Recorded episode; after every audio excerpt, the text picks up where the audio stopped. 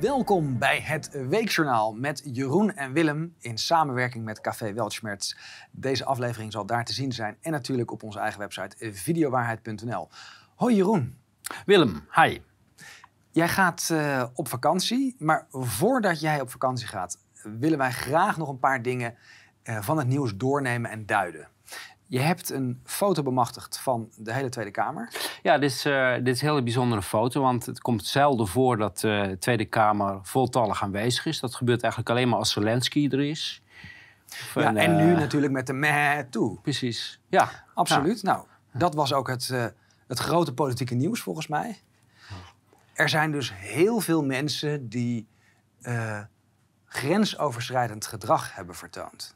Ja, ik volg het niet zo, want het interesseert me eigenlijk zo weinig. Het leidt als je het nou op een schaal zet met de zogenaamde pandemie, de klimaatcrisis, de Oekraïne, dan moet iedereen het toch mee eens zijn dat het grensoverschrijdend gedrag, dit is de kern van alles. Als we dit toestaan. Ja, maar als we zien wat, uh, wat ze voor uh, wangedrag vertoond hebben de afgelopen twee jaar. En dan ga je nu allemaal, uh, ja, Tuurlijk, het, het, is allemaal naar misschien en, en het is vervelend en het is uh, onsmakelijk. Maar het, we hebben zoveel andere dingen die veel belangrijker zijn. En het leidt af van... Mijn uh, verbazing is ook bij zo'n Johan Derksen of uh, Johnny de Mol...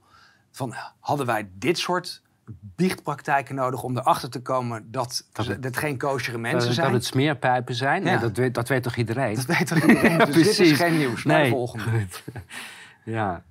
Maar we worden er wel echt mee doodgegooid hoor. Het, het, het MeToo-gehalte. Het, het, is duidelijk. Um, iedereen moet op gedrag worden gecorrigeerd en aangestuurd. Het gaat niet meer over of het strafbaar is, het gaat over gedrag.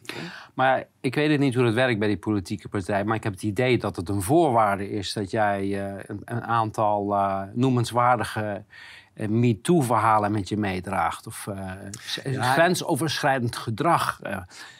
Precies, anders kan je niet geselecteerd worden. En als dit uitkomt, dan gaat het niet over dat je wat fout hebt gedaan. Het zijn allemaal oude affaires. Dan gaat het erover dat je niet aan de doctrine van de groep waar je bij hoort hebt gehouden. En dit is een afrekening van ongewenst gedrag. Dat seksueel overschrijdend gedrag, dat was vroeger. Uh, en dat wordt nu gebruikt omdat mensen misschien iets te open en eerlijk zijn over de bijwerking van ja. de prikjes, over, de, uh, over het conflict in de Oekraïne. Daar mogen ze natuurlijk niet. Daar mogen we niet over praten. Dus je kan beter je hart uitstorten van ja. wat je allemaal verkeerd hebt gedaan aan verkeerd gedrag. Het gaat niet eens over misdrijven of dat je de strafrechtelijke grens overschrijdt. Ja. Het gaat over ongewenst gedrag. En Willem, ik weet niet, misschien moeten we daar ook eens met jou een keer over gaan hebben. Dit, ja, het doet mij heel erg denken aan, uh, aan bepaalde religieuze sectes... die dan zo'n bedevaart doen en dan geestelen ze zichzelf ja. de hele weg ernaartoe. Ja, precies. Totdat ja, ze bloeden om te laten zien hoe vroom ze zijn. En daar komt dit bij in de buurt. Sectarisch dus gedrag. Wordt vervolgd, denk ik. Wordt vervolgd. Ja. Uh, de speechschrijver die toekeek hoe D66 afgleed naar een stam, een secte... Wij zijn dus niet de enige die het is opgevallen dat deze groepen, en we noemen dat dan uh, groepen conformisten, deugdelijk gedrag, uh, naar binnen keren en inderdaad sectarisch, ja, sectarische uitingen doen en sectarische gedragingen hebben. Als we, en ik weet niet of we dadelijk nog eraan toekomen, maar het NCTV en het AIVD-rapport lezen, dan lijkt het wel alsof ze in de spiegel hebben gekeken. Het zijn groepen die de wereld zien zoals ze zelf zijn geworden. Ja, ja D66, ik moet je eerlijk zeggen, ik had het nooit zo op mijn beeldscherm. Dat, dat, uh, dat het zo'n clubje met... Uh, ik vind het, lijkt van beetje... de buitenkant zulke grijze muizen. En dan zijn ja, ze, hebben ze is, toch een heel privéleven. Dat het gewoon echt een eng clubje blijkt te zijn. Ja, de jaarlijkse dienstplicht, uh, dienstplichtbrief is verstuurd. En mijn zoon heeft er ook eentje gehad. Ik had me er al over verbaasd, maar... Uh, ik weet niet wat jij ervan denkt, maar volgens mij is dit een beetje voorbereiden op uh, wat komen gaat. Ja, heeft het te maken met de Oekraïne? Oekraïne zal in ieder geval als, uh, als aanstichting worden gezien. Uiteindelijk gaat het natuurlijk over wat voor soort dienstplicht. Het zal dan sociaal werk zijn voor de Europese Unie. je wordt waarschijnlijk in andere landen gestationeerd, Europees leger, et cetera. Dus een opmaat voor een eenheidsstaat. Uh, nou, ik denk, ik denk ook dat het samenhangt met uh, de strijd die ze willen gaan voeren. Hè. De oorlog ja. is nu uh, weer hip geworden. En we zijn flink aan het subsidiëren en zware wapens aan het kopen. En die moeten ook bediend worden door mensen. Dus ja. misschien hebben ze onze kinderen straks gewoon nodig daarvoor. Ja. Het zou me niet verbazen. Ik ben zelf destijds afgekeurd. oh, ik ben ook nog opgeroepen voor keuring. Ik ben goedgekeurd. Oké. Ja, maar ik ben toch niet van plan om naar Oekraïne te gaan. Ja, nee, ik had een uh, psycholoog toen, die, ging, die vroeg of ik naar het buitenland wilde. Dat, leek, zeg, dat lijkt me ongelooflijk leuk. Die zei, ja, maar dan ga ik naar uh, Joegoslavië bijvoorbeeld. Zeg ik, ja, daar ga ik niet naartoe, daar is oorlog. ja, ja, heel positief, de marechaussee. Want in Nederland hebben ze dus kennelijk niks te doen. Uh, wil naar de Oekraïne. Waarschijnlijk hebben ze mijn laatste aangiftes niet gelezen. Maar als je nou op onderzoek wil naar uh, oorlogsmisdaden, dan kan je gewoon naar het torentje gaan. Daar zitten namelijk een aantal ministers en er liggen aanklachten, artikel 100. Dus ze hoeven helemaal niet naar de Oekraïne. Bespaart ook weer CO2-uitstoot. Is goed voor het klimaat. Precies. Ik zou zeggen, ga hier aan de slag, er is hier voldoende te doen. Nou, we kunnen natuurlijk ook gaan doen dat we een soort uitwisseling doen. Want dan krijg je een beetje misschien een onafhankelijk onderzoek. Dat wij sturen onze politie naar uh, Oekraïne en naar Rusland. En als zij dan hun politie hier naartoe sturen, kunnen zij hier gaan opruimen. Is dat niet stiekem al gebeurd, Jeroen? Ik weet het niet. ja, de RIVM komt weer met hele wijze uh, raadgevingen van ongevaccineerde Oekraïners op de Bijbelbelt is mogelijk een gevaarlijke combinatie. Maar volgens mij, ze zijn toch allebei ongevaccineerd, dus dat past toch prima? Ja, maar als je dit soort titels... Moet je dit eventjes uit de context van vandaag halen en terugplaatsen drie jaar geleden, pak een beet. Dan was de RIVM toch totaal uitgelachen. Ja. Dan waren ze toch opgeheven. Dit soort het, is, het, het, het, blijft een beetje dat paniek eh, proberen te zaaien iedere keer. Angst en natuurlijk groepen tegen elkaar opzetten. Hè? Daar gaat het En de Bijbelbelt, hè, die uh, heel schandalig dat ze zich niet laten vaccineren. Maar die mensen die zijn kennelijk uh, een stuk uh, Die letten iets beter op dan de gemiddelde Nederlander. Ja. En dan krijgen we de IVD, hè, protest tegen de overheid steeds harder en gevaarlijker. Ik geloof dat is een uh, jaarlijks uh, terugkerend ritueel dit. Toen ik dit las, toen dacht ik, hé, hey, hebben ze het nou gewoon gekopieerd van het NCTV-rapport? Maar toen gingen we verder kijken en dan gaan we naar de volgende slide. Het is Groundhog Day. Bijna het identieke bericht doen ze elk jaar rond deze datum. Ehm, het was 29 april in 2020 en toen weer 29 eh, april in 2021. Nu waren ze een dagje eerder, waarschijnlijk omdat ze dan uh, vandaag vrij hebben. Maar het, het, het, geeft heel duidelijk aan dat dit een copy-paste actie is. Maar laten we even eerlijk zijn, daar hoef je toch geen geheime dienst voor te zijn. Dat, dat kan je ook zonder onderzoek kan je dat vaststellen. Als jij als overheid constant al je eigen regels overtreedt, mensen uh, het leven onmogelijk maakt, ja, maar natuurlijk krijg je dan extremisme. Wat je extremisme is, is, het dan, is het dan extremisme? Nee, of zijn het mensen die heel boos zijn omdat hun rechten worden afgenomen? Ja, maar dat wordt als extremisme gezien. Hè? Dus als jij een hond bent en je krijgt iedere dag met een stroomstok... en als je dan een keer toehapt, dan, ben, dan is die hond die is vals. Ja, maar het meest bizarre wat ik in die rapporten lees... is heel veel verdachtmakingen, maar er staat eigenlijk geen enkel feit nou, in van het extremisme. Er staat een feit in. Er staat in, er zijn geen concrete aanwijzingen voor een aanslag. Dat, dat is een feit, toch? Ja.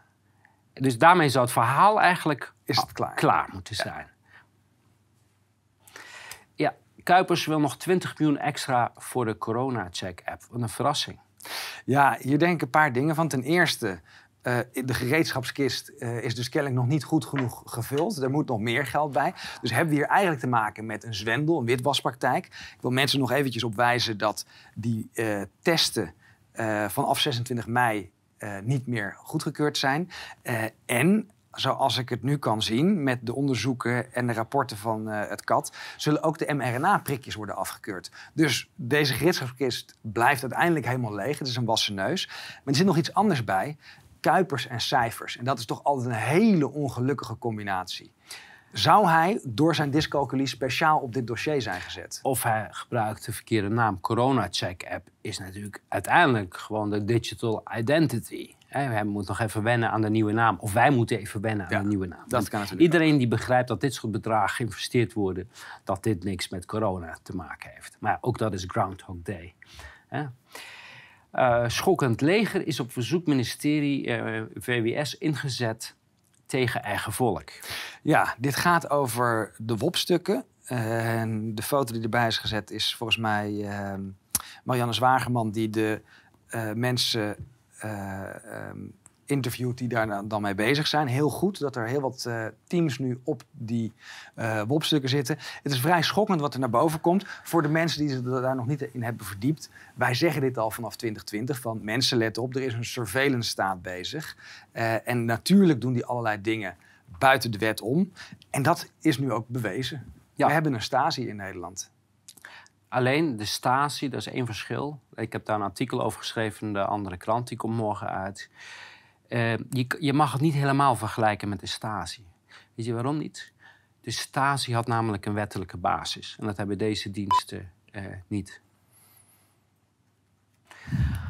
Um, van Haga over een nieuwe noodwet die uh, grondrechten schendt. Er wordt letterlijk gedreigd met het vorderen van huis. Ja, ook heel opmerkelijk. Hè, die, Dit doet me zo denken aan Fort Oranje bijvoorbeeld... of het Haga Lyceum. Het zijn echt twee pioniersprojecten geweest van... hoe kunnen wij bezit afpakken? Ja, en dan je doet het en dan ga je daarna een bevoegdheid daarbij zoeken. En dat kan, die bevoegdheid dat kan ofwel je gaat een wet maken om iets te legaliseren wat je al lang doet. Ofwel is het de rechters onder druk dat ze het zelf organiseren. Uh, ja, maar zo, zo, hebben we de, de NCTV bijvoorbeeld. Hè? Die, uh, dat is een dienst die al sinds 2004 uh, werkzaamheden doet, die heeft geen wettelijke grondslag, geen bevoegdheden, die doen gewoon. En men probeert dan daar een, uh, een, een, wettelijke bevoegdheid bij te creëren. Maar dat is heel moeilijk, want wat ze doen is niet in te passen. Want op het moment dat je dat namelijk invoert, dan ben je namelijk de DDR. Ja, en als je dat dan weer meeneemt naar die rapporten, dan snap je dat die rapporten worden geschreven eigenlijk uit een soort overlevingsstrategie. Als er geen dreiging zou zijn, dan zou er natuurlijk geen geld meer naartoe Nee, dan, dan, moet je, dan kun je jezelf opheffen, ja. je doel is bereikt. precies. Ja. Maar ja, de vraag is, hebben we niet genoeg aan één geheime dienst? Hè? Ja, dan gaan we nog even naar de propagandacensuur. Dit is natuurlijk eigenlijk een voortzetting van het vorige hoofdstuk. Ja. Um, en, Ebru Umar, uh, altijd heel kritisch, heeft toch toen de prik genomen, volgens mij in november of december, uh, met van ik bepaal zelf wat ik in mijn lijf stop en ik wil gewoon weer leven. Dus die is gezwicht voor dat hele QR-systeem. En nu moet ze toegeven, ze is al drie weken ziek, uh, het komt door de prik. Het lijkt mij een nachtmerrie. En, en dat is een nachtmerrie die heel veel mensen gaan beleven. Kijk, ja. en het is niet eens een nachtmerrie van de gevolgen die je op dit moment merkt, maar het idee van hé, hey, uh, ik heb iets en ik heb geen idee wat dat op de lange termijn gaat doen. Uh, daar ja. gaan heel veel mensen mee te maken krijgen. Prikspijt ja. is dit. En ik vind het heel goed van haar ja. dat zij uh, daarmee naar hier buiten komt. Omdat heel veel mensen die hebben die twijfel. Hè? Ze proberen het weg te stoppen. en dat begrijp ik ook, want dan moet je erkennen dat je een fout gemaakt hebt naar jezelf. Hè? Want je schaadt vooral jezelf ermee. Uh, maar hiermee hoop ik dat veel mensen die, uh, die daar met hetzelfde zitten, uh, dat die naar buiten komen. Want ja. we weten allemaal, in september, dat heeft Kuipers al aangekondigd, en in Duitsland hoor je precies hetzelfde, in andere landen, willen ze weer bevolkingsbreed verder gaan met deze ja. nonsens. Dus eigenlijk gaat het er nu om dat we zoveel mogelijk mensen met prikspijt en letselschade en overlijdens in de familie door die prik verzamelen. En dat we allemaal rechtszaken gaan voeren, zodat de druk oneindig hoog wordt. Ja, we moeten voorkomen dat in september uh, weer een nieuwe ronde gaat komen. Want het gaat gewoon verder. Iedereen ja. denkt dat het klaar is, uh, vergeet het maar. Ja, over bedrog gesproken, uh, steeds duidelijker dat... Ja, het, het, bedrog valt echt uit elkaar. En verhalen van Ebru Umar, maar ook dit soort verhalen van mensen die voor geld heel duidelijk hebben lopen liegen en een ander verhaal hebben opgehangen om maar die prikjes te, te promoten. Ja, je bent fotomodel en je moet wat, ja, hè? Precies. De kachel moet toch blijven branden. Ja. Dus dan maar een witte jas en vertellen dat jij het zo druk hebt op de COVID-afdeling. Ja. Nou ja, en dan komen er allemaal van dit soort berichten door. Dan krijgen we de volgende, hè, dus de propagandamachine die, die, die, die hapert. Ja, dan moet je gewoon op harde repressie en censuur. Deze vond ik interessant, want die heeft denk ik met iets anders te maken. Uh, Geert Wilders wordt geschorst. En als je die tweet ziet, dan vraag je echt af waarom. Waarom? Er staat helemaal niks in uh, wat schorsingswaardig is. Het kan beledigend zijn dat mensen het vervelend vinden als het er een, een, een fake profeet wordt genoemd. Maar dat valt nog allemaal binnen de grenzen van de vrijheid van meningsuiting. Dus dit, is, dit ging daar niet over. Mijn uh, analyse van deze is dat hij die dagen rond de Franse presidentsverkiezingen uit de lucht moest. Want hij is natuurlijk verbonden met uh, Front National in, uh, in Frankrijk. Dus dat moest helemaal gekortwiekt worden. Twee dagen na de verkiezingen is hij namelijk alweer online. Ja, want we moesten natuurlijk niet te goed gaan kijken wat daar allemaal gebeurt. Uh, inmiddels is duidelijk, overal waar stemmachines gebruikt worden, die, die hebben maar één doel, die stemmachines. En ik wil nog even herinneren, toen we ermee begonnen in Nederland met die stemmachines, is ook veel discussie over geweest, over de veiligheid. Ja. En toch is het doorgedrukt. Waarom? Omdat dat is de ideale manier om controle te houden uh, over de ver verkiezingen. Twitter akkoord met overname door Tesla-topman Elon Musk voor 41 miljard euro. Heel interessant, want ik zie het gebeuren voor mijn ogen op Twitter. Allemaal accounts komen weer terug. Je kan opeens weer alles plaatsen. Ik ben nog wel een beetje sceptisch. Want aan de ene kant uh, zien we op Twitter meer vrijheid. Maar andere platformen worden harder gecensureerd. Um, komen dadelijk ook nog op de Europese Unie ja. en Biden... die allemaal wetten aannemen en een Ministry of Truth eigenlijk installeren. Uh, maar Elon Musk zelf is ook tegen het anoniem gebruik van Twitter. Um, dus ja. Het deed me een beetje denken aan Mao Zedong, die met zijn actie Laat duizend bloemen bloeien. Uh, eerst de oppositie uitnodigde om al hun grieven en ideeën te komen, uh, komen brengen. Iedereen kwam daarmee en werd daarna opgesloten. Dus, Laten we afwachten. Ja. Uh, kijk, dat, dat je niet meer anoniem op Twitter mag. Ik, daar kan nog iets anders achter zitten. Want mm -hmm. uh, er zit op dit moment, uh, ik weet niet hoeveel trollen daar met allemaal anonieme accounts. Misschien uh, dat moet ook opgeruimd worden. Laten we afwachten. Precies, het kan, het kan allebei kan ook, kanten Je kan ook niet ja. uitsluiten dat hij misschien wel voor vrijheid van Zeker. is. Voorlopig zijn we er erg positief over. Het is een, echt een, een, grote stap voorwaarts voor de vrijheid van meningsuiting. Ja, en dan zien we hier uh, inderdaad Twitter zijn excuus aanbieden. Twee dagen na de Franse uh, verkiezingen. Dit zijn goedkope excuses. Wat koop je ervoor? Ja, niks. Sorry. Ja. Uh, ingrijpende internetwet komt eraan. Dit kun je verwachten. Dat is grappig, hè? Dat is dan onze media. Onze Die het even inmasseert? Ja. En hier hebben we het vorig jaar ook al over gehad, overigens. Want vorig jaar werd het al in, uh, in voorbereiding genomen. Het is ook in het parlement besproken. Van met Facebook zijn er afspraken gemaakt. Maar kunnen we niet buiten de Europese wet om nog andere afspraken maken? Die zijn natuurlijk ook gebeurd. Twitter is, uh, is door, de, door de knieën gegaan met, met de Nederlandse overheid. Maar nu wordt het dus op Europees niveau geregeld. Uh, en dit is zogenaamd uh, voor ihre. Hè? Nou, en wat ik daarmee bedoel. De media zouden op hun achterste benen moeten staan. Van zijn jullie nou helemaal van de pot gerukt? In plaats van dat te gaan uitleggen wat daar gebeurt. Ja. En dan zie je hoe diep, hoe diep gezonken al deze zogenaamde journalisten uh, Ja, maar van journalistiek is er al jaren geen nee. sprake meer natuurlijk. Instemming EU met censuurwet is een mokerslag voor vrijheid op internet.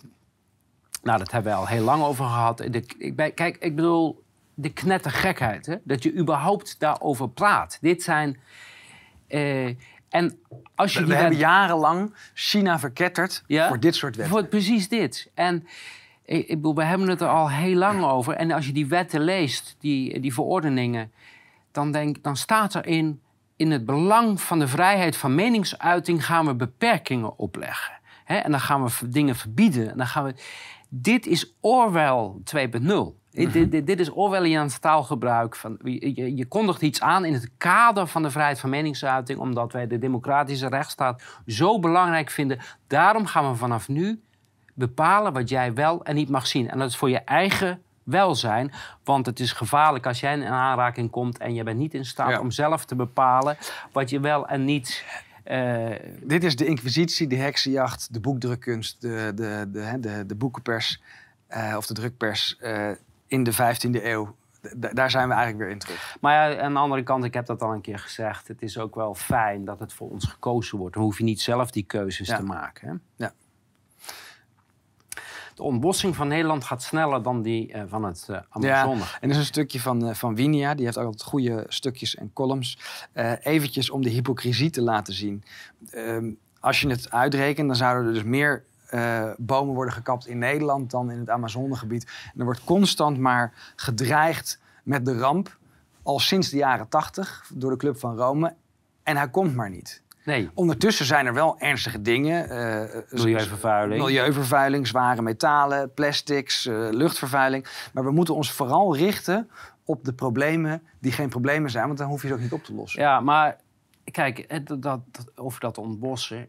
Intussen zitten we de hele oerbossen uit Letland, meen ik, aan het opstoken. Ze hebben gigantische vrachtschepen gekocht. Die zitten helemaal vol fijn gemalen bossen. Hè, oerbossen. En die gaan hier dan in de kachel eh, om daar stroom van te maken. Eh, het, is, het is zo knettergek. Ja, je weet niet meer waar je moet beginnen. Net als met het COVID-verhaal. Ja, Ja. ja. hoe krijg je het voor elkaar? Ja. Jensen, die van Spotify afgehaald is. Ja, Spotify, eh, dat hebben we ook in de Verenigde Staten gezien. Hè? We, eh, eh, hoe heet die? Joe Rogan. Joe Rogan. kwam onder vuur te liggen. Ja, dit, dit laat zien, maar deze extreme neiging naar censuur vanuit de Europese Unie. eh, Biden heeft ook de Ministry of Truth opgericht. De, de internetdiensten of social media die de duimschroeven aandraaien. Het is ook een heel positief signaal.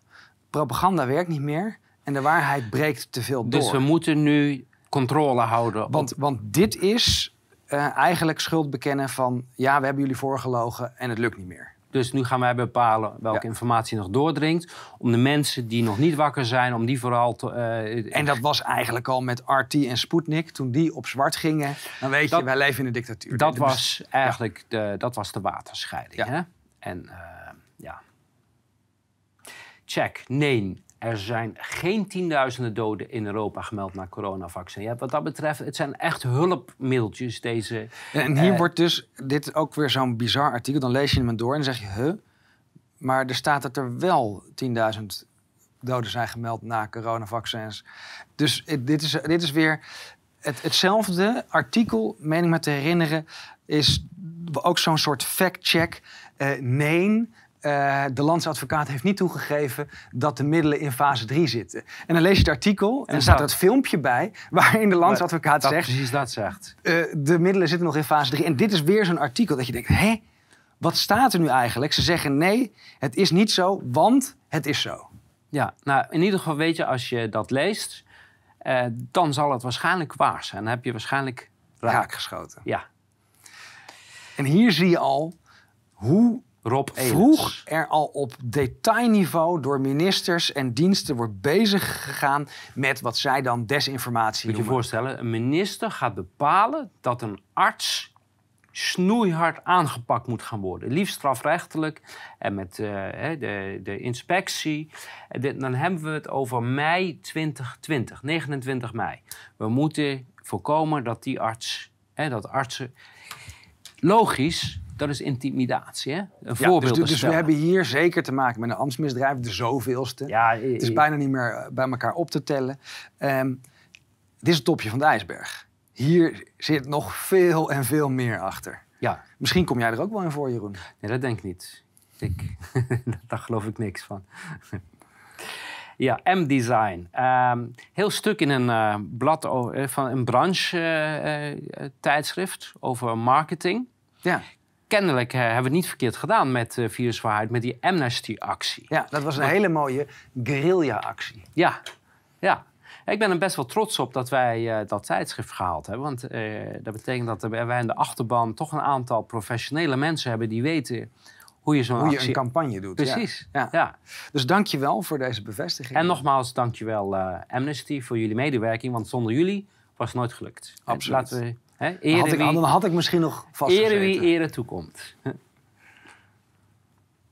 Ja, dit is een heel mooi... dit- Ja. ja. fantastisch. Ja. Wat zegt deze meneer? Even zeggen, hij, hij komt op Twitter...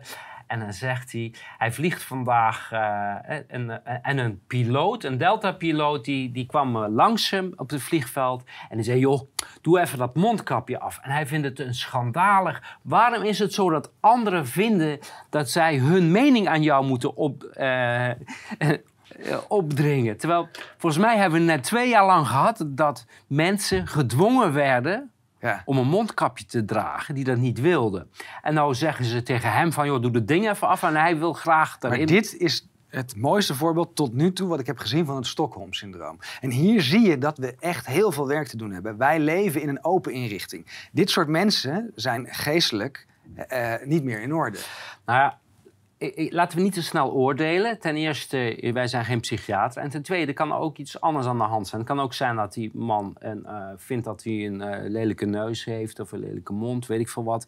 En dat zo'n mondkapje eigenlijk voor het eerst in zijn leven dat hij zich niet meer hoeft te schamen. Dat maar kan ik, ik heb ook, het hè? niet over het recht om een mondkapje te dragen, maar Het feit de gedachte dat- erachter waarom die hem draagt en waarom andere mensen daar niks van zouden mogen zeggen. En dat geeft aan dat we Tuurlijk, ja, in een open inrichting zitten. Ja. absoluut. Oh, ja, deze nog een voorbeeld van een open inrichting. Het Eh, Klokkenhuis gaat nu afleveringen in het Oekraïens ondertitelen. Ja, er zijn nog een hele hoop meer talen die ze kunnen gaan doen. Ja. Uh, waarom precies Oekraïens? Dat, dat ontgaat mij een beetje. Weet je? Nou ja, die kinderen moeten zo snel mogelijk integreren eh, in de Nederlandse samenleving. Geïndoctrineerde. Ik denk het wel. Dus, dus mijn gok is dat Oekraïners over het algemeen die prik niet lusten. Dus dat ze nu, al die Oekraïners in Nederland zijn, via die kinderen gaan indoctrineren om die prik te gaan halen. Ja. ja, en dan is ook het probleem opgelost eh, met eh, hoe heet het? de Bijbelbelt. hè. Dan, zijn ze niet meer ongeprikt. Ja. Dan gaan we naar nog meer propaganda. Internationaal. Ja, Italiaanse eh, rechters die heeft gezegd dat de plicht, de vaccinatieplicht, die is ongrondwettelijk omdat, eh, de, eh, wat stond er in het uitspraak? zelfs- Als zelfs maar één dode zou vallen, is onacceptabel voor een experimenteel middel. Dus Ja. dit is een hele belangrijke uitspraak in die zin. En daarom geen propaganda of fake nieuws. Ehm, in, in, Sicilië, volgens mij, heeft die rechter dus een afweging gemaakt. Iets waar wij al jaren om vragen. Van waar is die afweging? Welke criteria zijn gevolgd? Wat bedoelen jullie met voldoende veilig? Nu heeft deze rechter een antwoord gegeven. Als er een dode optreedt, is het niet voldoende veilig. Ook bij één dode is het niet voldoende veilig en kan het niet verplicht worden. ja, mis- misschien kunnen we hier ook een uitwisseling gaan doen. Dat wat Italiaanse eh, of eh, Siciliaanse rechters hier recht komen Het zou heel spreken. handig zijn, want die zijn natuurlijk heel erg gewend om met de maffia om te gaan. En daar hebben wij in Nederland Heel een groot hoop- probleem Ja, mee. ja. Ja. veel groter dan in Italië waarschijnlijk. Absoluut. Ja, de, de hoofdcommissaris eh, die eh, te dicht bij Rijksburger eh, komt, die is ontslagen. Ja. Maar de, volgens- Ik weet nog wel, in, in juli, volgens mij, of begin augustus 2020... toen was ik op een demonstratie in Düsseldorf waar hij ook sprak. En dat was net die week dat hij uitkwam. En het is een beetje de Dennis Spaanstra van, van, van Duitsland. Het is een heel proces geweest en nu is hij uiteindelijk... is hij inderdaad bevestigd, het is ontslagen. En hij wordt gelijk weggezet als extreem rechts. Hè. Die Rijksburger die worden als extreem rechts Mhm. weggezet. Maar er zit een heel verhaal trouwens achter. Dat is iets genuanceerder zo- dan eh, dat dat naar eh, eh, zo gebracht wordt. Ik, ik ken er niet het hele fijne van, maar wat ik begrepen heb gaat het erom dat... vroeger had elke deelstaat, elk land in Duitsland... die had een eigen paspoort. Hè. Dus hadden de nationaliteit van die landen. En eh, Hitler heeft er toen Rijksburgers van gemaakt. Dus dat ze allemaal een Duits paspoort kregen. En deze Rijksburger die zeggen: nee, wij accepteren dat niet. Dat is ongrondwettelijk geweest. Wij willen gewoon weer terug naar eh, wat we hadden. Gewoon het paspoort van ons eigen land. Dat, als ik het, eh, eh, dat is volgens mij in het kort waar het over gaat. En daar zijn ze natuurlijk heel bang voor, voor ja, die het mensen. systeem ter discussie stellen, dat ja, is precies. het ergste En dat doen deze doen. mensen. Hè? Die zeggen, net, al, hè, die- net als veel mensen die zich autonoom verklaren, deze Rijksburger die erkennen de Mhm. Duitse staat niet. En dat is heel gevaarlijk voor als jij de staat bent.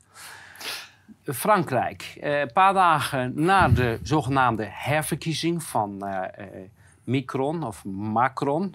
Ja, het is, was geen verkiezing. Hè. Dit is Nee. overduidelijk fraude geweest. De aanwijsplek van het WEF die is weer opnieuw naar Macron gegaan.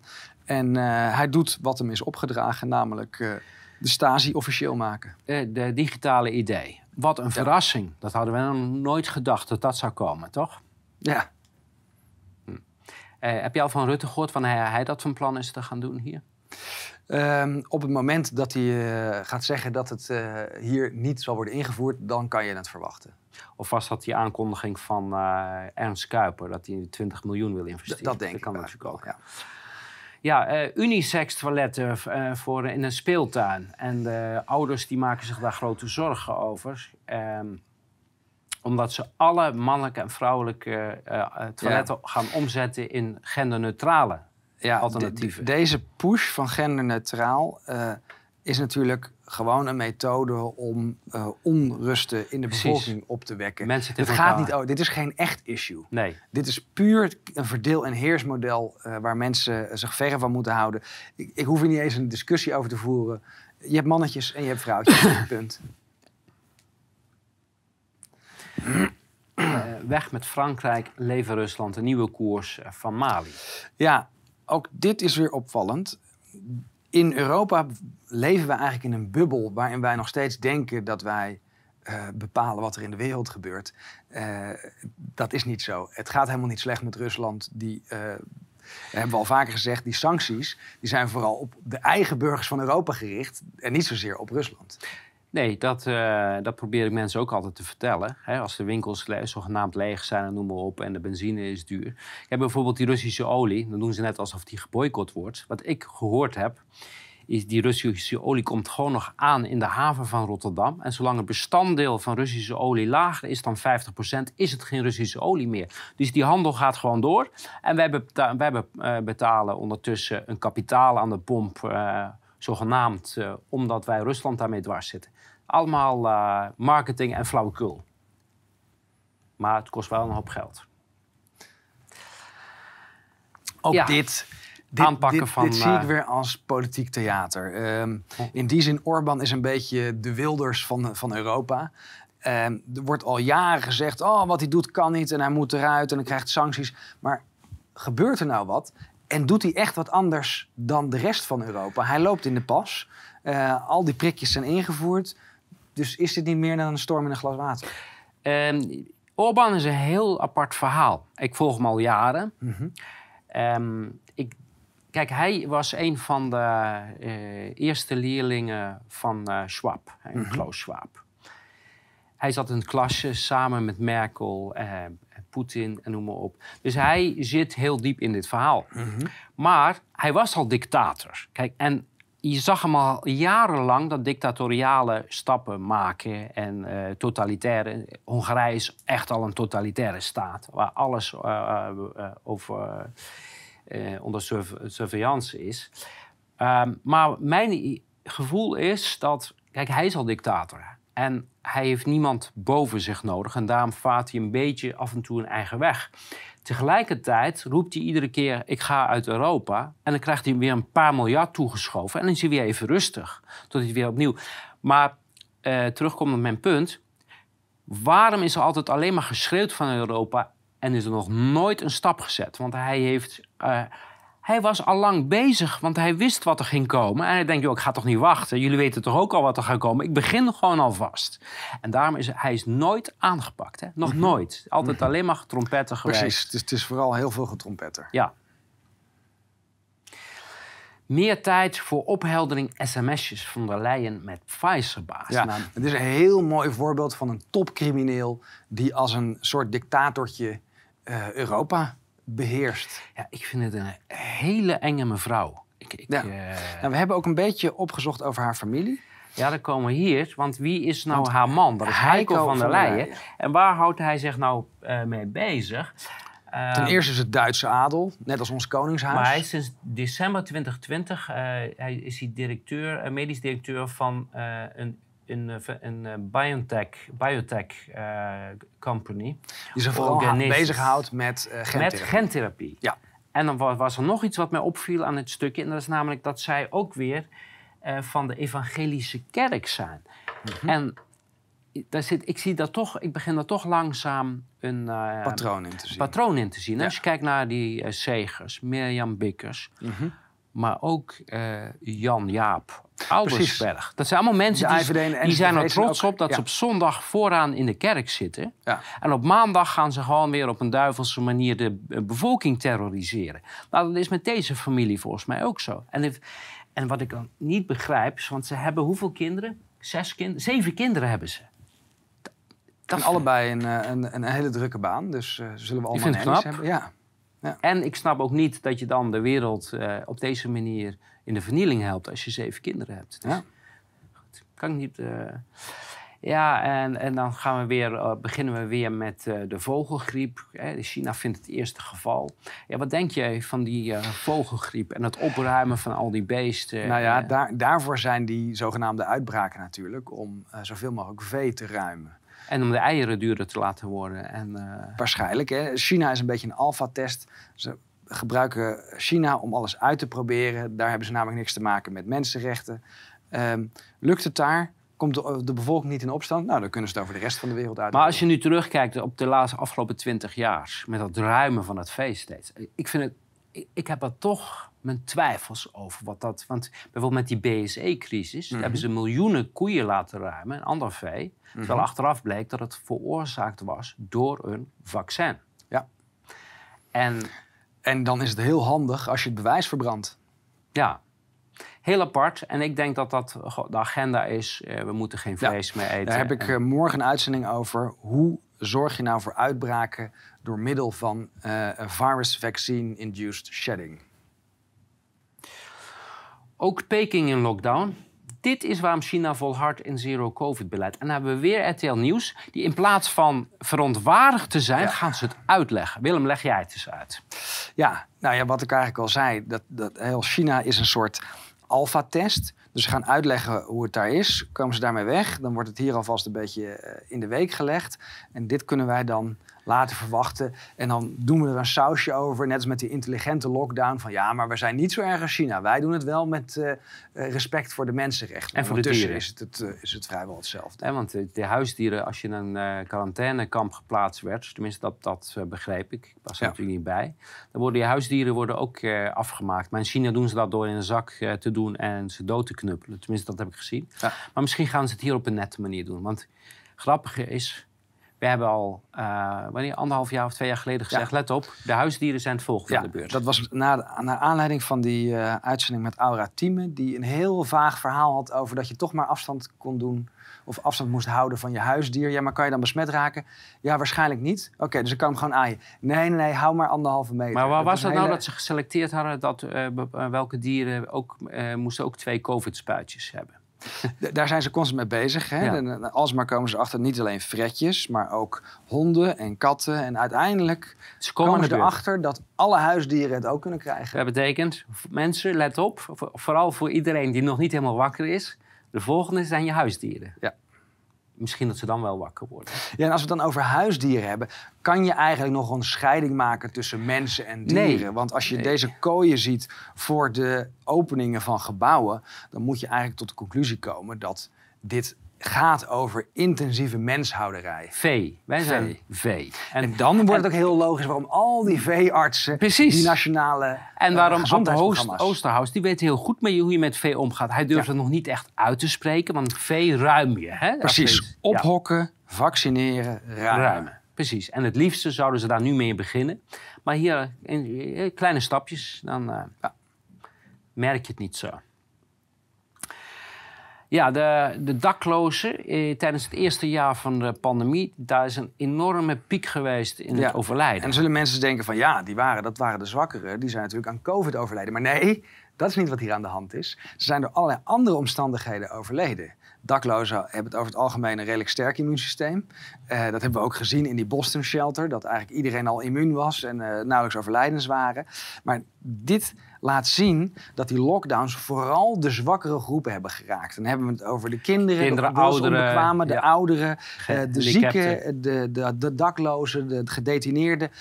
Alle groepen die, Weerloos zijn. die weerloos zijn. Ja. Ja, en op de kinderen na ook groepen die economisch gezien eh, soms als useless eaters worden, worden bestempeld. Dus de maatschappij kan ze beter kwijt zijn dan rijk. Eh, ja, in Duitsland, iedereen dacht dat, dat de vaccinatieplicht van tafel is, maar het gaat gewoon door. De Maar op een vaccinatieplicht ander komt- niveau, hè? dus Ja. op beroepsniveau.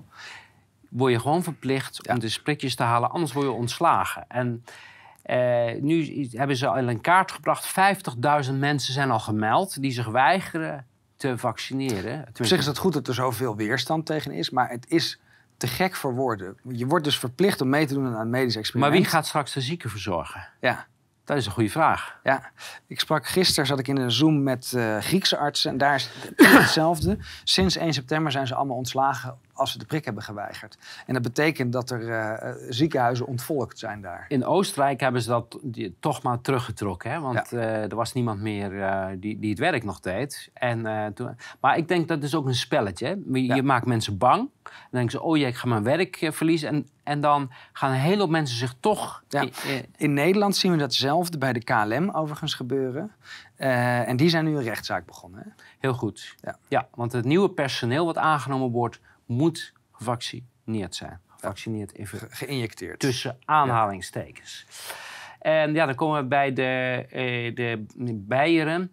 En dat is de Verfassungsschutz. Ehm, de, de wet, en dat gaat dan ook over de surveillancewet. Ja. De Verfassungsschutz is een hele eh, bedrieglijke benaming. Hè? Want het is, Verfassungsschutz betekent grondwetbescherming. Dat is een dienst die de grondwet beschermt. En in de praktijk doen ze eigenlijk het tegenovergestelde. Het is gewoon een geheime dienst die de belangen van de staat vertegenwoordigt. Eh, ik heb ook de Verfassungsschutz in Duitsland op mijn dak gehad. Eh, dus die houden zich bezig met mensen die recalcitrant zijn.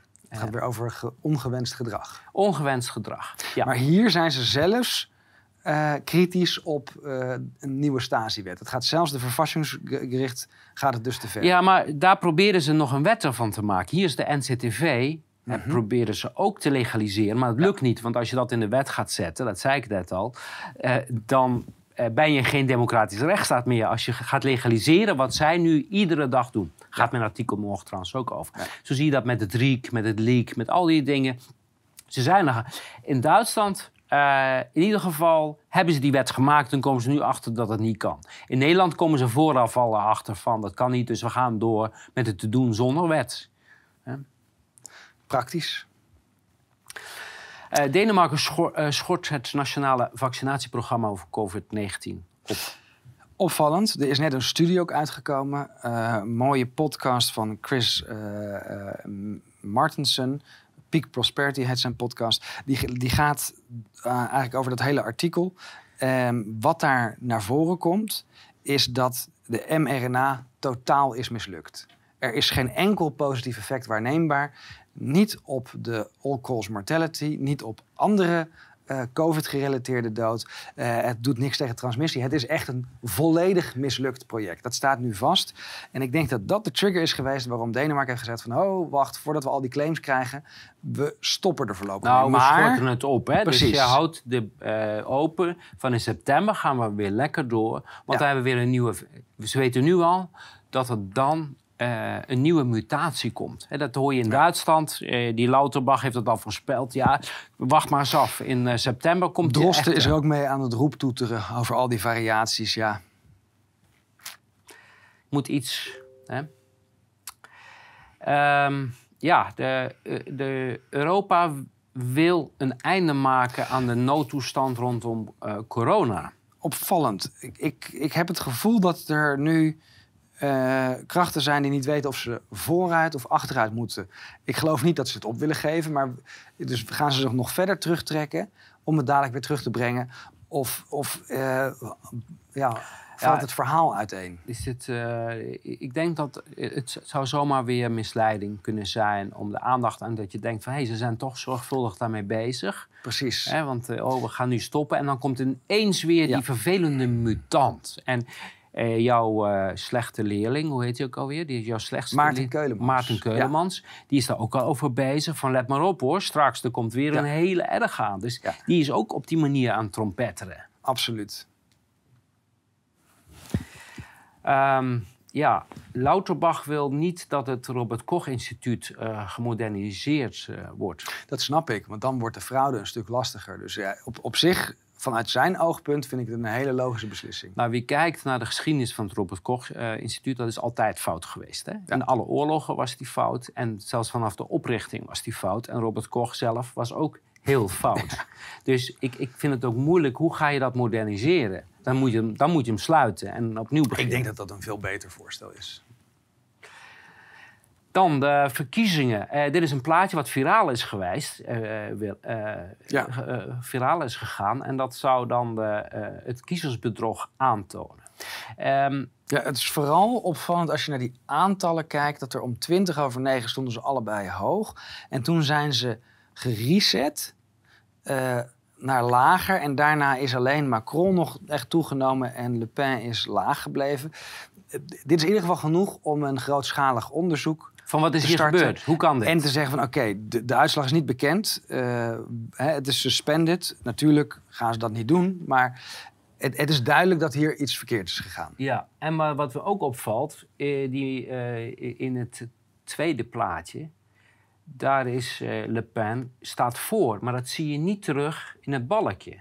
Zie je dat? Ja, dus dat ietsje hoger. Ah, Het, het, het gaat er alleen om dat ze alle twee worden teruggezet. En dat dan uiteindelijk eh, Le Pen niks meer bijkomt. Dus dit is een hele vreemde gang van zaken. en overigens in de overzeese... eh, Daar heeft ze twee derde van de stemmen gehaald. In en alle overzeese gebieden. Ja, dus het lijkt er toch echt op dat de fraude eh, centraal is georganiseerd. En dat ze te weinig moeite hebben gedaan om de overzeese gebieden Ze te hadden eigenlijk al van tevoren de felicitaties kunnen sturen, zoals Ja. Rutte. Hè, die heeft nog eh, ge- netjes gewacht tot het, eh, de stemlokaal een halve minuut gesloten was. Ja. Toen heeft hij vast gefeliciteerd. Ja. Maar het ook van tevoren al kunnen, kunnen Absoluut. doen. Ja. Agenda eh, 2030. Eigenlijk is het allemaal Agenda 2030. Maar... Ja, eh, EU wil met plan voor legale migratie drie vliegen in één klap slaan. Dus Ja, als we dachten dat, nu- dat de Oekraïne het was, nee, dit gaat over Marokko, Tunesië en Egypte. Je hebt het ook wel het, eh, het omvolken genoemd. Eh, kijk, het gaat er mij niet om wie er hier naar binnen komt. Nee. Het gaat er mij er gewoon om dat als je nieuwe groepen inbrengt, je enorme spanning creëert binnen de En, bevolking. en dat is, kijk, dat is mijn enige, be- enige bezwaar. In Ja. 2015 heb ik gezien wat in Duitsland gebeurd Met is. Syriërs. Ja. En nogmaals, ik heb, ik heb helemaal niets. Ik snap iedereen die denkt van ik, ik eh, heb daar een beter leven. Ik ga daar naartoe. Hè, dus ik, Mhm. ik, eh, daar, maar waar het om gaat is... In Duitsland is ontwricht door eh, die mensen... Als je die steden bekijkt, eh, mensen die voelen zich daar ontheemd. En het heeft ge- gezorgd voor een, een breuk in de samenleving. En dat is wat men doet. Men... eh, En dit, dit doet, heel erg denken aan Stalin, wat hij heeft gedaan in Centraal-Azië. Gebiedjes eh, van het ene land afpakken bij het andere En land natuurlijk pakken. concurrentie creëren. Want je haalt enorme hoeveelheden goedkope arbeidskrachten binnen. Die kunnen die dure arbeidskrachten eh, Ja. vervangen. Dus dit is een heel vies spel wat er gespeeld wordt. Over de ruggen van die mensen. Ja. dat even dat voor de duidelijkheid. Ook voor die niet- vluchtelingen. precies, die zijn zelf ook een speelbal van het grotere spel. Ja. Contactloze Koningsdag. Ach, cash is niet meer nodig op de vrijmarkt. Wat handig is dat, hè? Ja, dit is natuurlijk om vooral de jeugd te groomen in Van- het nieuwe systeem. Ja, lekker met een QR-codetje betalen, dan ben je er vast aan. Want later eh, zul je niet anders scannen dan dat. Eh, bankrekening van honderden Belgen bij Online Bank eh, plotseling afgesloten. Ja. Mogelijk 25.000 euro kwijt. Ja, waar gaat dit over? Het is aan de ene kant laten wennen dat eh, dat geld eh, eh, niet altijd beschikbaar is. Hè? Dat, dat dat wordt besloten buiten jouw macht. Eh, en ik denk ook dat ze willen dat iedereen bij die centrale banken blijft. Want daar is de, eh, de overheid veel meer op ingesteld om daar controle uit te oefenen. Ja, dat gaan we de komende... Dit, dit gaat hard, hoor, deze agenda. Ik verwacht zelfs het einde van het jaar... of uiterlijk begin volgend jaar... dan is die euro... Is, de- is, zou zomaar eens verleden tijd kunnen zijn. Ehm, Financiële Dagblad. Spaarders kunnen niet meer bij hun geld. Die Kijk, en de vorige was Belgisch artikel, dus Ja. een Nederlands artikel. Hier zie Dus- je ook weer Wennen. het, ja, maar ook, ook het wereldwijde even uitproberen, even ontwrichten, er? kijken wat gebeurt er. Ja. En eh, opvallend is dat een aantal jaren geleden het oproepen tot een bankrun strafbaar is gesteld. Dus je Ja. mag eigenlijk wordt het gevaarlijk om je zelfs te wijzen op gevaren bij banken. Want daarmee zou je indirect kunnen gaan oproepen tot een bankrun. Ja. Maar de banken die zijn al lang failliet. Absoluut. Dat heeft, heeft de vorige financiële crisis gedaan.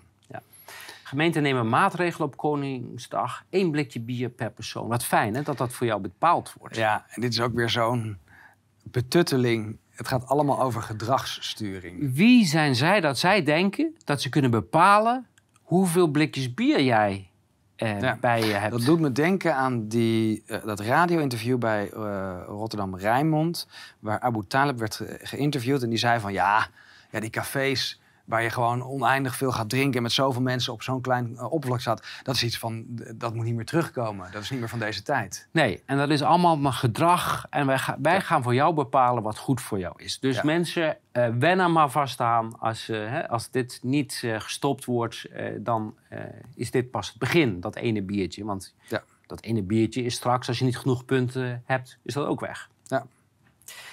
Noord-Ierland, die moeten uh, maar uh, af van een uh, miljoen schapen. Die moeten maar weg. Want goed voor het milieu. Ja, maar ik ken nog wel een hele hoop dingen meer die goed zijn voor het milieu. Als we nou eens ook, als de mensen stoppen met, laten stoppen met ademen, is, is dat is ook goed voor het milieu. Voor de CO2, nee. Wacht, je haalt nu twee dingen. Dit is voor het klimaat, hè, hebben we het over. Niet voor het milieu. Oh, sorry, voor het klimaat. ja. ja. ja.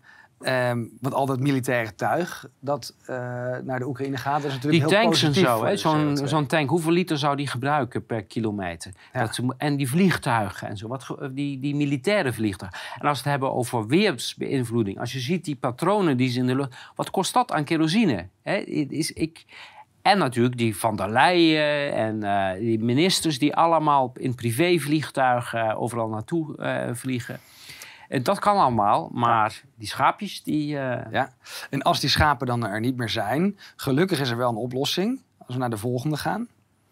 Want we kunnen gewoon insecten eten. En in het laboratorium niet uh, het, uh, vlees gaan kweken. Ja. Dat klinkt ook erg aantrekkelijk. Ik weet niet, krijg je er ook honger van? niet echt.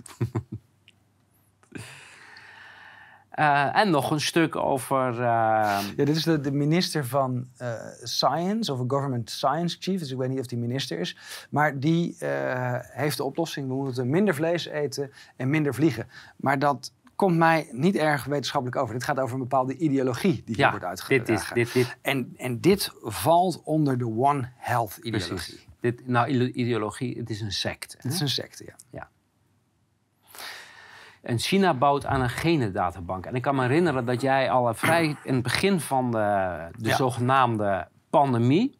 dat jij al voorspelde van let op... Ja. Die test... Hele testen dat wordt gebruikt natuurlijk om een genetische database op te bouwen van alle inwoners. En nu blijkt dat inderdaad zo te zijn. Ja.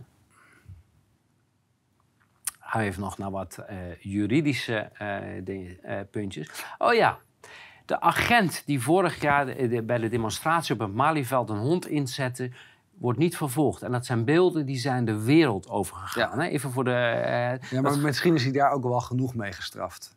Want hij heeft elke dag uh, zichzelf moeten zien als uh, potentieel moordenaar. Dus terecht dat hij niet vervolgd wordt. Of heeft hij het gedaan om die, die demonstrant te beschermen? Misschien was het daar. Hebben we het gewoon verkeerd begrepen? Dat kan natuurlijk ook. Dat zou heel goed kunnen, ja.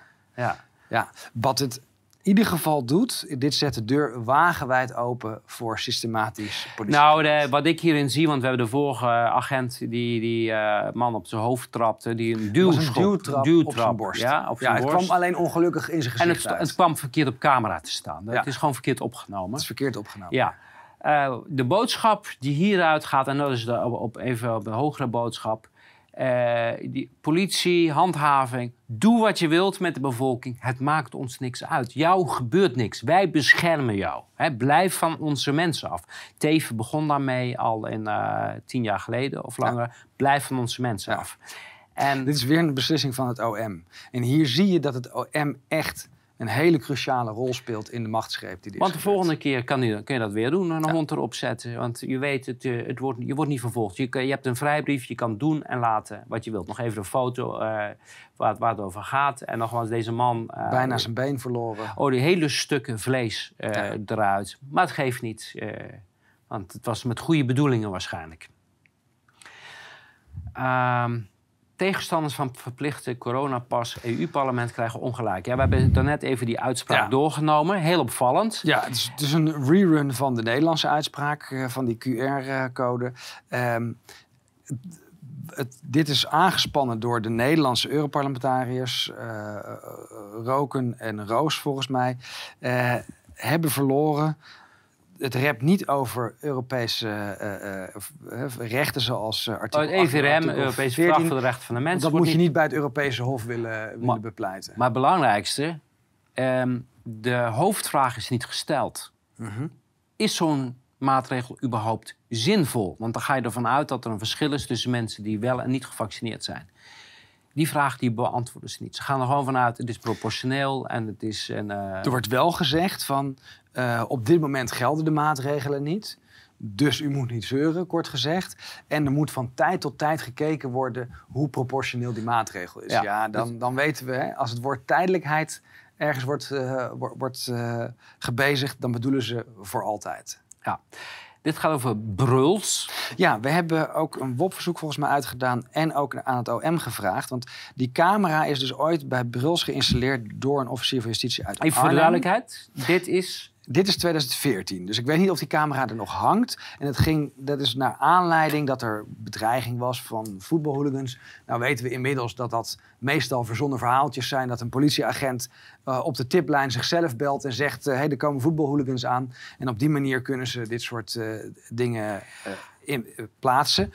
Uh, waarom ik die tweede foto ook interessant vond. Dus die, die, die connectie met de familie van Bruls en, en uh, bepaalde dieren, die is al veel vaker gemaakt. Dat was wel helemaal niet origineel. Ik vind wel een belediging voor dat vark. Ik vind ook een soort dierenmishandeling om, om, om juist bij Bruls voor de deur gelegd te worden. Maar wat ik belangrijker is, kennelijk uh, heeft die Zijn er camerabeelden? Ja, en dat is dan interessant voor de zaak waarin wij de fraude hebben geconstateerd. Dan heb ik het met name over uh, wat officier Vreugdenheel heeft toegevoegd over die brandstichting. Of was het toch poging tot brandstichting? En is er nou wel of niet een aangifte van gedaan? We hebben het gevraagd, we hebben er nog niks over gehoord. Maar gelukkig zijn er camerabeelden. Dus we willen die camerabeelden zien. Ja, en de andere is, kennelijk was hij toen al zo geliefd bij de bevolking. Ja. Nou ja, dus heel duidelijk geselecteerd van toen de coup werd gepleegd in 2017. Die verkiezingen zijn natuurlijk ook vervalst. Wie mag er blijven? Dus wie, wie stelde zich al als dictator op? Wie was bereid grondrechten te schenden? Die doet mee in het nieuwe plan.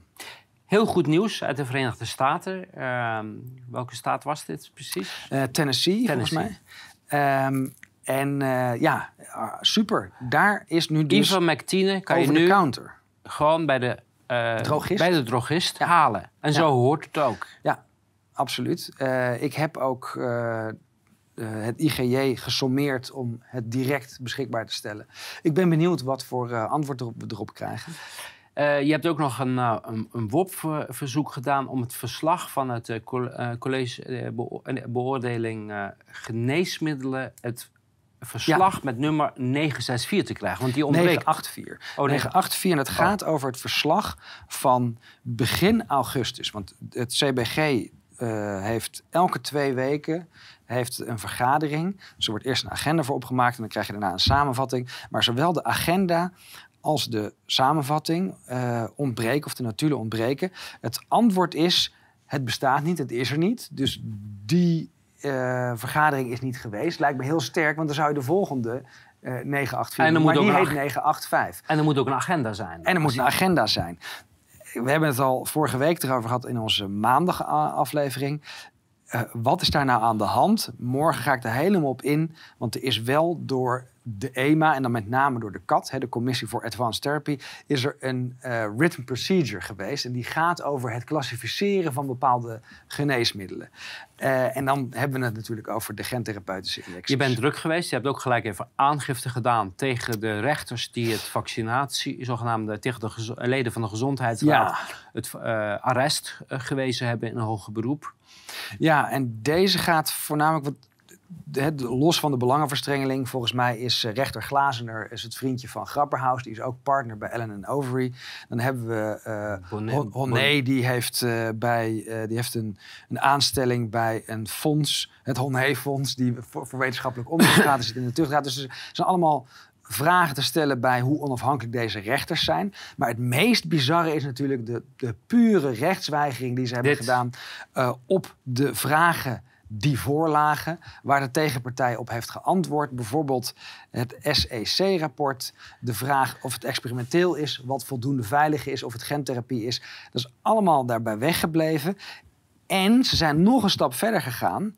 Um, het vonnis bekrachtigt het vorige vonnis, waarin wij ontvankelijk werden verklaard. En daarom zijn we niet ontvankelijk. Maar we zijn wel ontvankelijk, want het is bekrachtigd. Dus, dus hier is echt niks meer van te maken. Dus misschien waren ze dronken, dat kan ook. Dus we doen ook een, een rechtsvordering, artikel 31, dat ze het nog een keer opnieuw moeten doen. Dit is eigenlijk, sturen we ze met huiswerk uh, terug. Even een paar tweetjes uh, van uh, afgelopen Ja. jaren. Ja, en Dit ehm, van jou, dit gaat over oproepen van jou. Ja, wat, wat ik hier duidelijk laat zien, is elke keer als er weer zo'n extreme uitbarsting van geweld is, welke rol de NCTV erin speelt. En toen werd het nog een beetje als complottheorie weggezet, maar inmiddels laten die WOP-verzoeken zien dat we hier helemaal... Dit is wat de NCTV Juist. mee bezighoudt. Ja, het infiltreren en wat de NCTV voornamelijk is, is natuurlijk een marketingorganisatie aan de ene kant. En aan de andere kant verzamelen zij van alle kanten informatie. En die spelen ze op een bepaalde manier door. Die veranderen ze. Dus zij voeden de politie en andere diensten met verkeerde, opzettelijk verkeerde informatie, waardoor er escalaties plaatsvinden. En die rellen worden op deze manier Met eigenlijk inzet van social media. Ja. eh, wordt, Ja. Dit, dit- dit gaat over hetzelfde.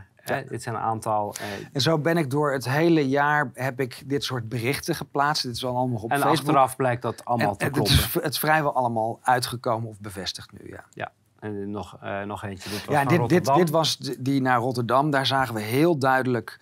ehm, dit is 20 november, 19 november hadden we die koopgoudrellen. En daar is iets heel vreemds gebeurd. We hebben nu ook de bevestiging gekregen dat op 12 november... er per ongeluk een, een stenengooiende NCTV'er bij het protest Ja. in Den Haag is opgepakt. En dat de politie ermee zat van... Oh, Hoe eh, kan dat? Wat moeten we hiermee? Ja. En dan zie je dus ook de, de mismatch tussen de communicatie. De politie weet daadwerkelijk niet van die infiltranten. Want het zijn niet per se politieagenten. Het zijn speciale units van de NSTV of de AIVD... die op die manier die rellen veroorzaakt... en verkeerde informatie naar de Want politie hoe, hoe leg je dat uit? Dat al een van, jou, hè, van jouw dienst, Ja. die wordt gepakt met het gooien van stenen naar agenten. Ja, Hè? ja, Ja, heel apart.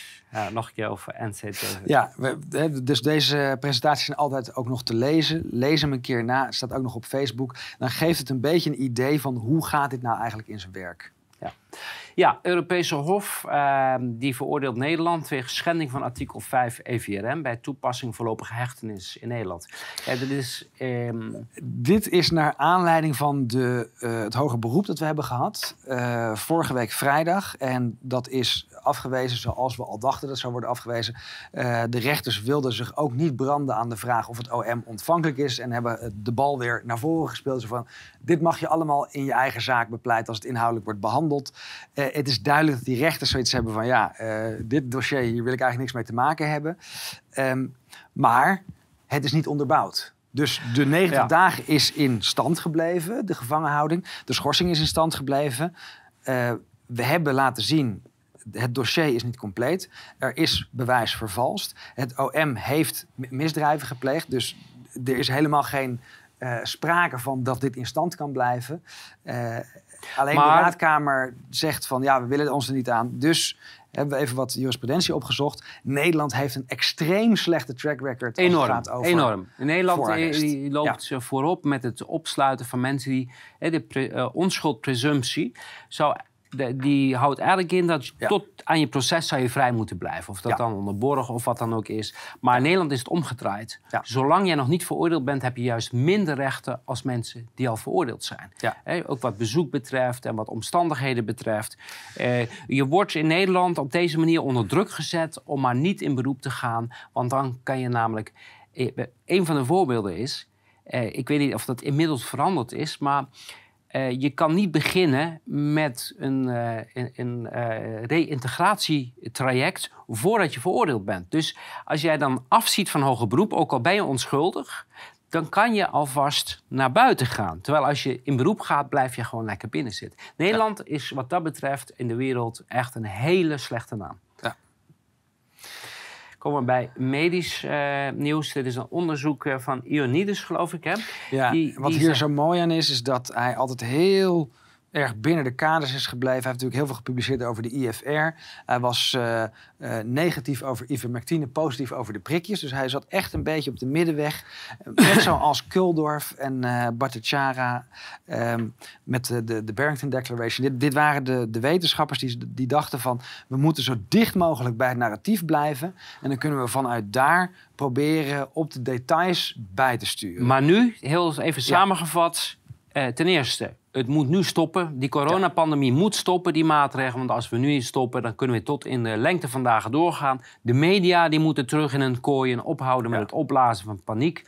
Um, en de wetenschappers, die moeten weer hun werk gaan doen in plaats van propaganda verspreiden. Zo vat ik het goed, uh, goed ja, samen? Zo vat je het goed samen. En dat is een opvallende uh, eigenlijk kering of uh, stellingname. Niet alleen van hem, maar ook van Kuldorf en van veel meer van dit soort wetenschappers die tot nu toe heel voorzichtig waren. Nu is de maat vol. Het moet afgelopen zijn met deze secte. Ja, nou in Ierland ineens een enorme stijging van het uh, aantal uh, seksueel overdraagbare aandoeningen en dan vooral HIV. Ja, en, en dan heb ik het over van, ja, maar is het dan vooral HIV? Want HIV is weer een hele specifieke. Dat is vooral uh, een testpandemie. Ik heb het gisteren in de meeting met Doctors for COVID Ethics uitgebreid over gehad. Wat wij verwachten is dat dit als een nieuw angstpropagandamiddel wordt gebruikt. En dat kan dan redelijk goed, omdat we al eerder, uh, Luc Montagnier heeft het erover gehad, een, een groep in India, dat is bevestigd door andere groepen. Dus minimaal drie groepen, die hebben onafhankelijk van elkaar gezien dat er epitopen in dat virus zitten of in de sequentie, laten we het heel correct houden, in de sequentie zitten, die lijken op de sequentie van HIV. Dus zou je vals positieven genereren, en dan lijkt het een theoretisch verhaal, maar in Australië hebben we dit al gezien, ja. dat mensen na injectie vals positief Toen testen. deden ze alsof dat een uh, foute badge was, hè? of ja. dat er iets mis mee was. Maar, ja. maar professor Kemmener, hè, iets, geloof ik, hè? Ulrich. Kemmener, die heeft het hier heel uitgebreid over gehad die volgens haar op dat virus zitten twee hele specifieke kenmerken van ja. uh, die, waarop die HIV-test positief reageert. Hetgeen niet betekent dat je dan HIV-positief bent, maar Moderna heeft een oplossing, want ja. die hebben namelijk net een vaccin. Ja, tegen dus er zijn al meerdere uitgebracht. experimentele vaccins, maar dit is de eerste die op mRNA is gebaseerd. Dus op deze manier krijgen we een nieuwe testepidemie of En een, op, pandemie. en een nieuwe en, een, testoplossing. en een nieuwe testoplossing, namelijk nog meer niet werkend mRNA, om de bijwerkingen van de eerste batch Dus we krijgen nu opnieuw een testpandemie, want Ja. we gaan nu overal op HIV. En we, ze weten nu al dat er heel veel mensen positief gaan testen. Ja. Vervolgens dus nog een keer Krijg je een prikje dat niet werkt, Ja. maar zogenaamd tegen de symptomen van HIV, die eigenlijk de bijwerkingen zijn van de vorige prikcampagne. En weer haatzaaien tegen mensen die niet... gev- En dit is Canada, dus daar gaat het gewoon door. Als wij denken, we zijn er vanaf, we zijn er niet vanaf. We hebben hier te maken met een secte die waarschijnlijk doorheeft dat het plan niet goed gaat. Maar ja, dit is een kamikaze-actie. gewoon door, Gewoon doorrammen. doorgaan. doorrammen. Ehm, ja, de, de catastrofale gevolgen van de mRNA, de zogenaamde vaccins, die worden langzaam zichtbaar. Ja, het, het, eh, het is mislukt hè, op alle fronten. Het heeft, ge- geeft geen immuniteit, het stopt geen transmissie, eh, het eh, ver- vermindert niet de klachten, het voorkomt ook helemaal niks in de hoeveelheid doden, maar het heeft wel negatieve gevolgen. Ja, en eh, nog een bericht eh, wat hierop aansluit. Dat zijn die, eh, die documenten, wat was het, eh, 50.000 of 75.000 per maand? Ja, die dus binnenkort komt er weer een nieuwe badge uit. Het is heel interessant wat er allemaal in staat. Het belangrijkste wat Ze er naar wisten voren komt, het. ze wisten het van Ze wisten tevoren. het. Ja. En dit is ook niet zo gek als je kijkt. Volgens mij is de meeting van de FDA 22 oktober 2020. Dan hebben ze een tussenmeeting gehad. Eh, en hebben ze de, de, de clinical trial fase 2-3 geëvalueerd. En daar lieten ze zien dat al die bijwerkingen bekend waren. Ja, doe maar. Henny Vriend eh, Ja. is overleden. Ja, en mensen vinden het heel onsmakelijk als je dit dan in verband brengt met het prikje. Eh, ik vind het heel onsmakelijk om het niet te doen. Het moet onderzocht worden. Ik zeg niet dat hij daaraan is gestorven. Het is wel iemand die geloofde in de prik, die die prik heeft genomen. Eh, dit moet onderzocht worden. Dat is namelijk verplicht. Eigenlijk iedereen die die injectie heeft gehad, die sterft. Zeker als het niet duidelijk te duiden is, moet worden onderzocht of dat door de injectie komt. En hij is niet alleen, het zijn er veel meer. Wat we nu zien, we hebben natuurlijk al die 776 mensen eh, in de topsport gezien. We hebben gezien dat er allerlei acteurs plotseling overlijden of stoppen met hun beroep. En ook de zangers. En dan zeg ik niet dat als je zanger of topsporter bent dat je een grotere kans hebt. Nee, maar deze mensen liggen onder een vergrootglas. Dus dit valt veel meer op. Ja, en als je het aantal ziet wat achter elkaar overlijdt, dan moet je in ieder geval afvragen van hier is iets bijzonders aan de hand. En dan kan je niet zeggen van tevoren, ja, maar aan de prikjes ligt het niet. Ja.